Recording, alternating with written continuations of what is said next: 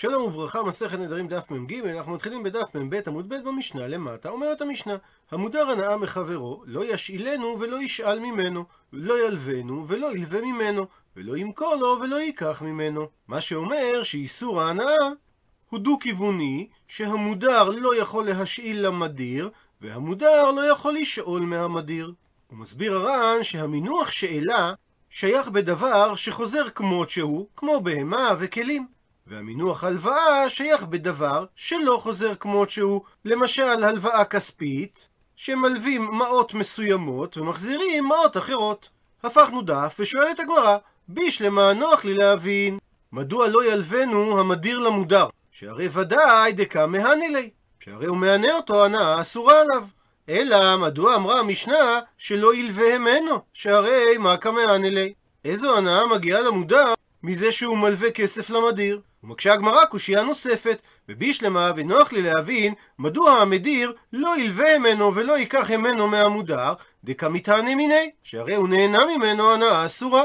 הוא מסביר המפרש כגון שהמודר הלווה למדיר מעות הרעות, והמדיר מחזיר לו מעות יפות. וכך גם לגבי מקח, ניתן להאמין שמדובר בסחורה על הפנים שאין לקוחות שקופצים לקנות אותה, כך שהמוכר נהנה מהמכירה. אלא קשה, מדוע אמרה המשנה לא ישאל ממנו, שהרי מה כמתהנה מיני, איזו הנאה יש לו, למודר כאשר הוא משאיל את כליו למדיר, שהרי המדיר יחזיר לו את הכלי או כמות שהוא, או אחרי שהיה עליו איזשהו פחת, וודאי שאין לו הנאה מזה שהוא השאיל את הכלי. עונה על כך, אמר רבי יוסי ברבי חנינא, שהמשנה מדברת כגון שנדרו הנאה זה מזה. ולכן איסור ההנאה הוא דו-כיווני, ששניהם אסורים זה בזה. הוא מקשה הר"ן, אז אם כן, מה באה המשנה להשמיע לנו? עונה על כך הר"ן, נראה שבא התנא לסתום לנו כשיטת רבי אליעזר, שאמר שוויתור אסור במודר הנאה. ולמרות שכבר בתחילת הפרק סתם התנא כשיטת רבי אליעזר, ניתן לומר שגם במשנה שלנו בא התנא לחדש, שגם שאלה, קנייה והלוואה לא גרועות מאשר ויתור, ולכן לשיטת רבי אליעזר הם יהיו אסורות. אביי אמר תירוץ אחר, גזרה לשאול משום להשאיל, וכן בכולו גזרה. זאת אומרת, שמעיקר הדין המדיר יכול להשאיל ולקנות ולהלוות מהמודר. אבל גזרה המשנה לאסור עליו את הדברים הללו, כדי שלא יגיע למצב שהמדיר ילווה, או ימכור או ישאיל למודר. ואומרת המשנה, אדם שאמר לו לחברו, השאילני פרתך, ואמר לו החבר, הפרה אינה פנויה כרגע, מפני שמלאכתו היה עושה בה. ונתעצב, או אולי התעצבן השואל כנגד המשאיל, ולכן אמר השואל למשאיל, הואיל וסירבת להשאילה לי, קונם שדי שאני חורש בה לעולם. דהיינו, שלא אחרוש את שדי בפרתך לעולמית. ולבסוף, השאיל לו את פרתו, ונשאלת השאלה, האם מותר לו עכשיו להשתמש על ידי אנשים אחרים לחרוש את השדה בפרה הזו. אז אם היה דרכו של השואל לחרוש הוא בעצמו, אז הוא אסור, וכל אדם מותרים. שוודאי כאשר הוא נדר שהוא לא יחרוש בפרה לעולם, הדעת דנפשי נדר, ולא הדעת דעלמא. הוא התכוון לאסור את החרישה בפרה כאשר הוא יחרוש, ולא כאשר אנשים אחרים יחרשו בה. לכן כל אדם מותרים לחרוש לו שדהו באותה פרה. אבל ואם אין דרכו לחרוש, אלא יש לו אריסים שחורשים בשבילו, אז ודאי כאשר הוא נדר, הוא נדר הדעת זה שכולם לא יכולים לחרוש את השדה על ידי הפרה הזו, ולכן הדין שהוא וכל אדם אסורים לחרוש איתה את השדה.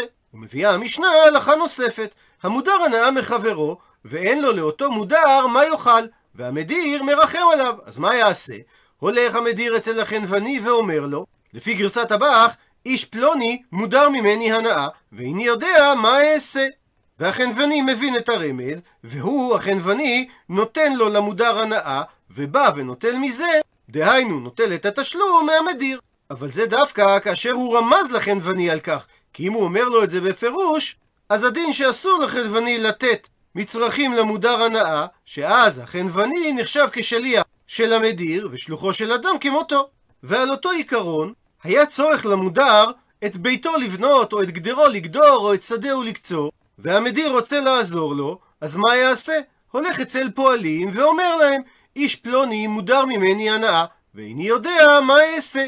והפועלים מבינים את הרמז, והן עושים עמו את המלאכה, ובאים ונוטלים שכר מזה המדיר. הוא מסביר הר"ן שהחידוש במקרים האלו, לעומת המקרה הראשון שהמדיר הולך אצל החלבני, שבמקרה הראשון היינו יכולים לומר שמדובר על צורך של מזונות, ולכן התירו למדיר לרמוז את הדברים לחנפני.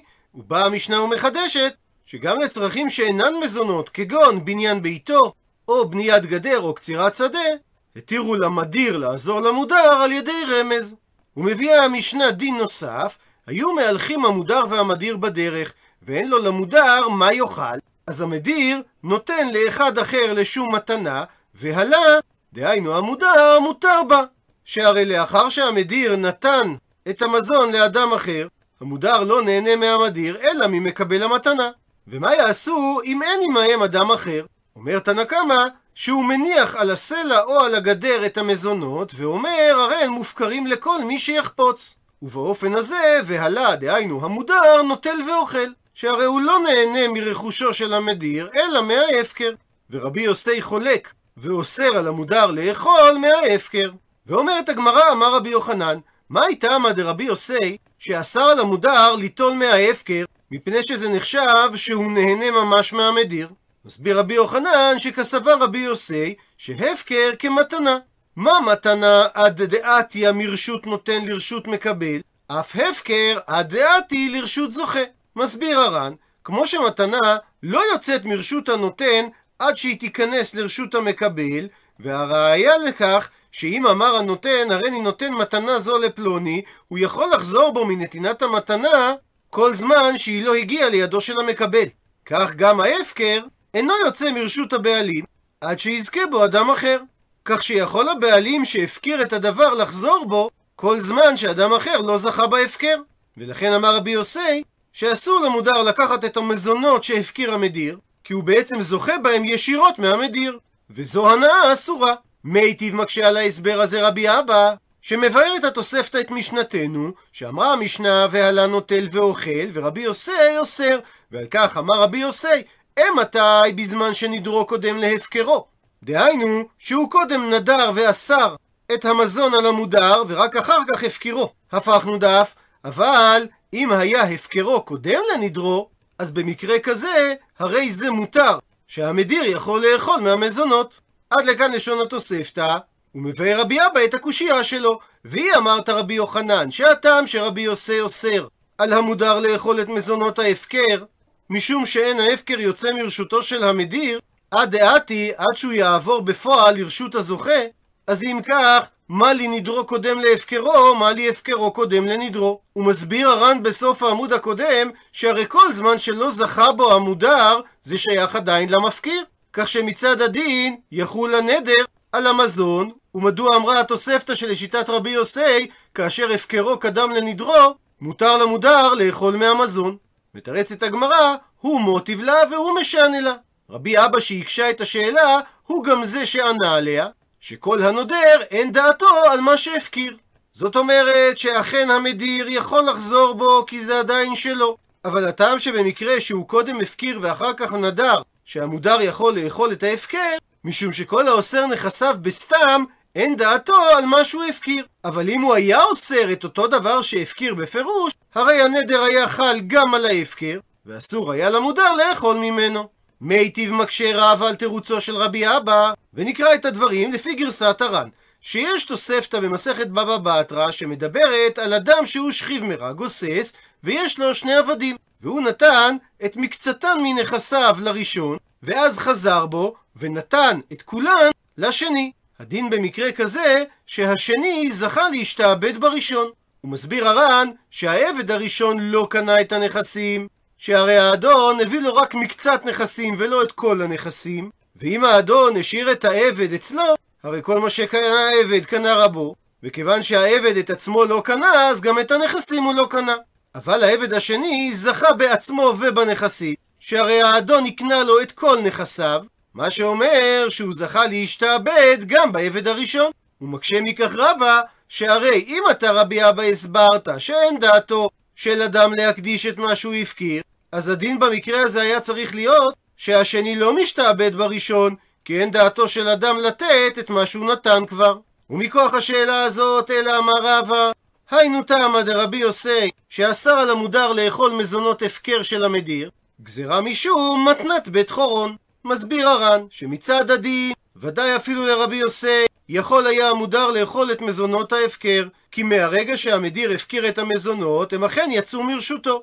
אלא שכיוון שאנחנו עדים שהמדיר לא מפקיר את המזונות, אלא רק כדי שיזכה המודר בהם, אז יש חשש שאם נתיר למודר לאכול את מזונות ההפקר, זה יגרום למכשול, שאפילו איך שאמר המדיר בפירוש שהוא מפקיר את זה רק עבור המודר ולא עבור אדם אחר, המודר יטעה ויאכל מהמזונות הללו. ומשום אחי, אמר רבי יוסי בתוספתא, שדווקא כאשר הנדר קודם להפקר, יהיה אסור המודר לאכול את מזונות ההפקר, כי במקרה כזה יש חשש למכשול ולכן גזרו חכמים, אבל כאשר ההפקר קודם לנדר, אין חשש לטעות, והתיר רבי יוסי למודר לאכול מהמזונות. והסברו של רבא מתבסס על המשנה בדף מ"ח, שמביאה מעשה שקרה בבית חורון, שכך אומרת שם המשנה, מעשה באחד בבית חורון, שהיה אביו מודר ממנו הנאה, והיה אותו אדם משיא את בנו, ואמר האדם לחברו, החצר והסעודה נתונים הינו לפניך, אלא כדי שיבוא אבא ויאכל עמנו בסעודה. אמר לו החבר, אם שלי הם, הרי הם מוקדשים לשמיים. אמר לו אותו אדם שהיה מודר הנאה מאביו, מה אתה עושה? האם נתתי לך את שלי כדי שתקדישם לשמיים? אמר לו החבר, נתת לי את שלך, אלא שתהא אתה ואביך אוכלים ושותים ומתרצים זה לזה, ויהא אבוד תלוי בראשי. ועל כך אמרו חכמים, כל מתנה שאינה שאם היא קדישה תהא מקודשת, אינה מתנה. שהמתנה במקרה הזה של בית חורון, אינה אפילו מתנה לשעתה, שהרי הוא לא התכוון להקנותה לו כלל. אלא רק שתיקרא על שמו, כדי שיהיה אביו מותר בה. וכפי שהסברנו, חשש דומה קיים גם כאשר הנדם קודם להפקר, שאם נתיר לו במקרה שהוא מפקיר את המזונות וברור לנו שהוא עושה את זה כדי שיזכה המודע, אז יש חשש שגם במקרה שהוא אומר בפירוש שהוא מפקיר את המזונות רק בעבור המודר, יאכל המודר מהמזונות, ובמקרה כזה ההפקר לא חל, בדיוק כמו שהמתנה במשנה לגבי המעשה של בית חורון אינה נחשבת מתנה. עד לכאן דף מ"ג.